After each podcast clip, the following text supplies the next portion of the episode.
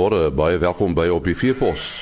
Ons praat vanoggend met dokter Dirk Verwoerd van 'n voerkraal wat praat oor gesonde diere.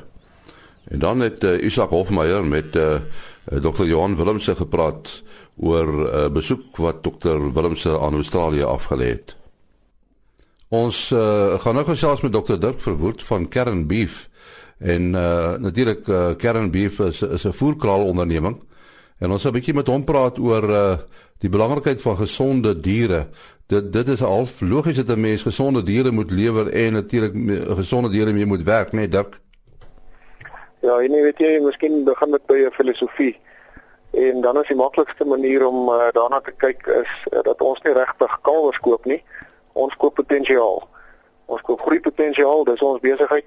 Uh, dis wat ons wil doen. En dan het mens ehm, 'n um, ander manier om na beeste te kyk uh, of 'n speenkalf wat jy ook al dan nou koop. So ons kyk na twee groot kategorieë van oorwegings. Die een is dan potensiaal en die ander is risiko. Nou risiko om siek te word, risiko om om dood te gaan en risiko om natuurlik nou nie te presteer nie. So dit reflekteer eintlik 'n hele reeks uh, oorwegings vanaf die genetiese profiel van daardie dier tot die manier waarop hy grootgemaak is tot op die punt waar ons dan nou koop. Ja, mens kan byvoorbeeld baie duidelik sien as 'n dier ehm um, 'n krummel is of 'n Engels stand dit is. Uh, ons is in 'n droogteperiode byvoorbeeld uh, waar baie diere geforseer word om gifplante te eet uh, wat nie wat net eenvoudig nie normale veiding uh, beskikbaar het nie. En baie van die goed tas die lewer aan en dit maak dat die dier dan nou nie groei volgens uh, hoe andersins sou gegroei het nie. Mense sien dit, mense sien hierdie ou klein ligte kalfies met die groot koppe en die dik horingbasisse. Ehm um, en dit gee vir jou baie goeie aanduiding dat daar in die verdere periode van sy lewe daar net ook nie groei gaan wees nie. Maak nie saak wat sy kos jy vir hom gee nie. So dis 'n voorbeeldjie uh, van die dinge waarna ons kyk uh, opsigtelike siekte tekens en so natuurlik ook. Ja, jy praat nou van jy sien dit en opsigtelik, maar is alle siektes so opsigtelik? Nee, nee, baie is maar subtiel. Uh jy weet so mense kyk ook na die geskiedenis van uh, die prestasie van kalwers uit 'n sekere area uit. Uh, jy weet ons koop uit die hele land uit uh, kalwers byvoorbeeld. Ons koop by 32 35000 beeste elke maand.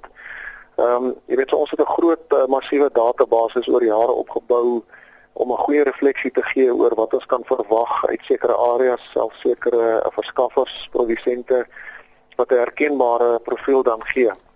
Uh en dit uh, is ook deel van die storie en natuurlik uh, lees 'n mens maar die situasie soos in 'n droogtejaar. Uh en uh, sien nou maar uh winterperiode waar daar uh, vreeslike sneeustorms en koue is en goed in die Oos-Kaap was en die kalwers moet van daar af opry deur die nag deur die koue Vrystaat in 'n nag in 'n in 'n beestrok.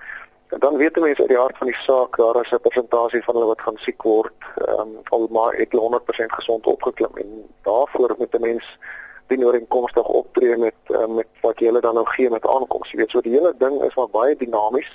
Uh mens kan nie net uh, in die illusie leef dat jy 'n gesonde kalf oplaai en dan kan daar niks verder met hom gebeur nie. Jy het net kos te gee. Dit werk ongelukkig nie so nie. Ja, met alle woorde die die kalvers uit stres, nê. Nee. Ja, daar's 'n klomp ehm um, risiko kan ons maar sê drywers uh waarmee mense eenvoudig uh, daagliks te doen het en jy moet daar volgens optree, uh jy weet bietjie aanpassing doen, uh miskien bietjie medikasie of ekstra dit of dat insit in hulle aanvangsrantsoen. Ehm um, jy weet ons het dalk uh nodig om hulle vroeër af te laai nie al die pad deur te ry na ons toe in Gauteng nie, byvoorbeeld uh, een van ons houstasies te gebruik. Ons het 'n reeks houstasies deur die land waar ons dan probeer kalwers versamel uit daai omgewing uit. Hulle eers bietjie aanpas, uh sagte landing soort van gee uh, voor hulle dan op 'n tweede been so twee weke later hier na ons toe ry. So daar stop 'n uh, bestuursstrategie wat mens kan volg, maar die eerste bly maar die evaluasie van die kalf wat jy koop uh, dat daar nie opsigtelike siekte tekens is nie so wat uitloop, um, jy weet oogies loop traan en ehm um, so aan. Jy praat nou van van die ligging van julle onderneming. Is dit nie 'n probleem nie? Uh jy, jy praat ook van houstasies. Uh moet julle nie op ander plekke ook voerkrale hê nie? Uh kyk die kalwers wat inkom is natuurlik maar een van die groot ehm um, faktore wat waarmee ons werk. Die ander is natuurlik voer roubestanddele wat ons gebruik om ons rantsoen te maak.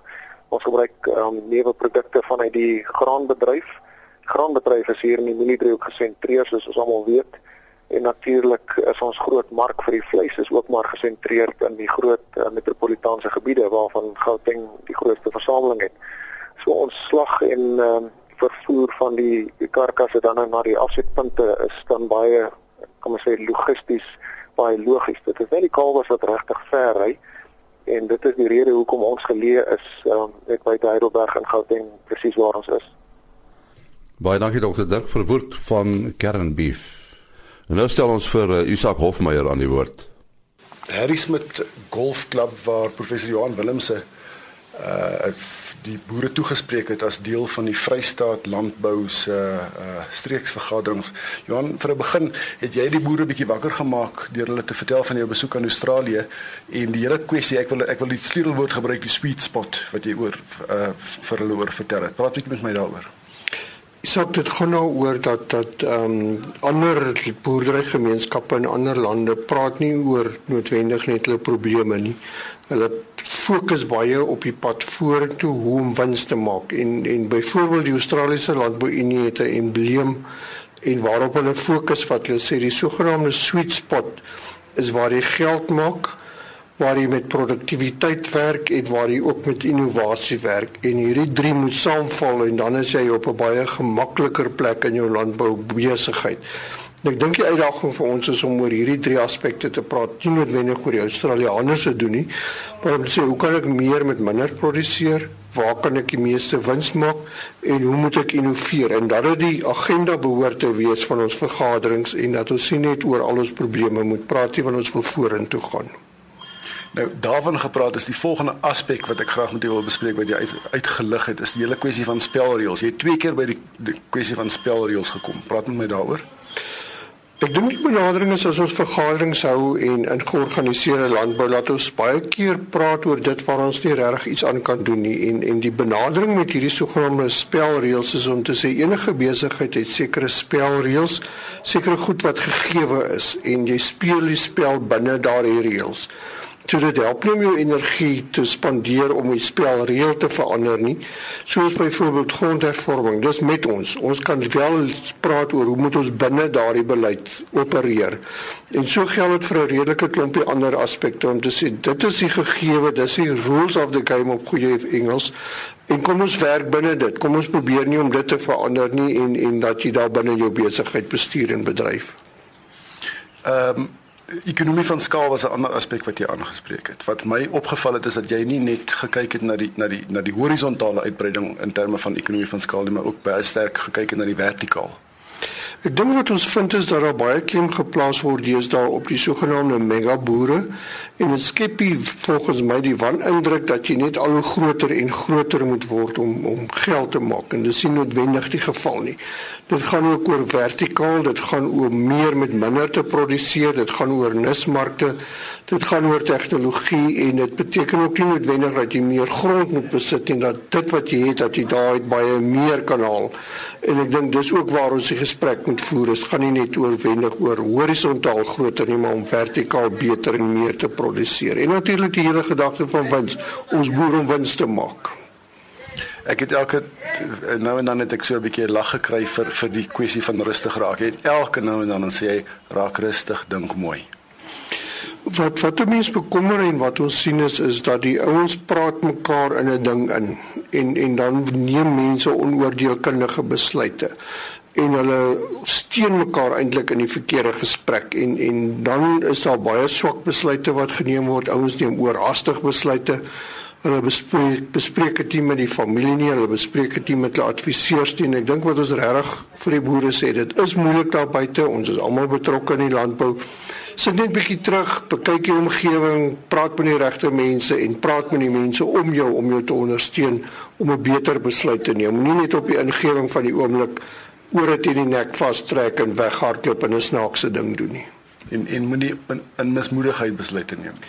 Ja, absoluut moenie mismoedig raak nie. Natuurlik is daar is is daar moeilikheid. Dit is glad nie wat ons sê nie. Ek dink die punt is dit hang af hoe ou na die probleem kyk en om te sê kom ons probeer die oplossing vind en dan kom ons hou op om net oor die probleem te praat want die probleem is met ons en dit gaan onwaarskynlik verdwyn. Kom ons praat liewer hoe kan ons dit bestuur en rondom dit ons besigheid posisioneer.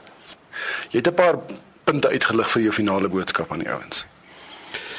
Ek dink belangrik ons moet op die regte goed fokus. Ons moet besluit waarop wil ons fokus in georganiseerde landbou? Wat is die belangrike drywers in ons besigheid waarin ons iets kan doen en en om beslis daarop te fokus. En dan natuurlik hierdie is 'n moeilike jaar vir baie boere ook. En dat ou moet sê wat se onmiddellike probleme in terme van kontantvloei, finansiering maar ook wat ons toenemend vind 'n probleem raak is die hele belastingstelsel, die hele stelsel van kapitaalwins en boerebelasting en rondom die voortbestaan van familieboerdery dat ons beslis daaraan moet aandag gee dat dat dit besig is om 'n ernstige knelpunt te raak. Dit was dan Dr. Johan Willemse en Isak Hofmeyer. Ook die einde van op die veepos. Maandagoggend is ons terug. Tot dan, mooi loop.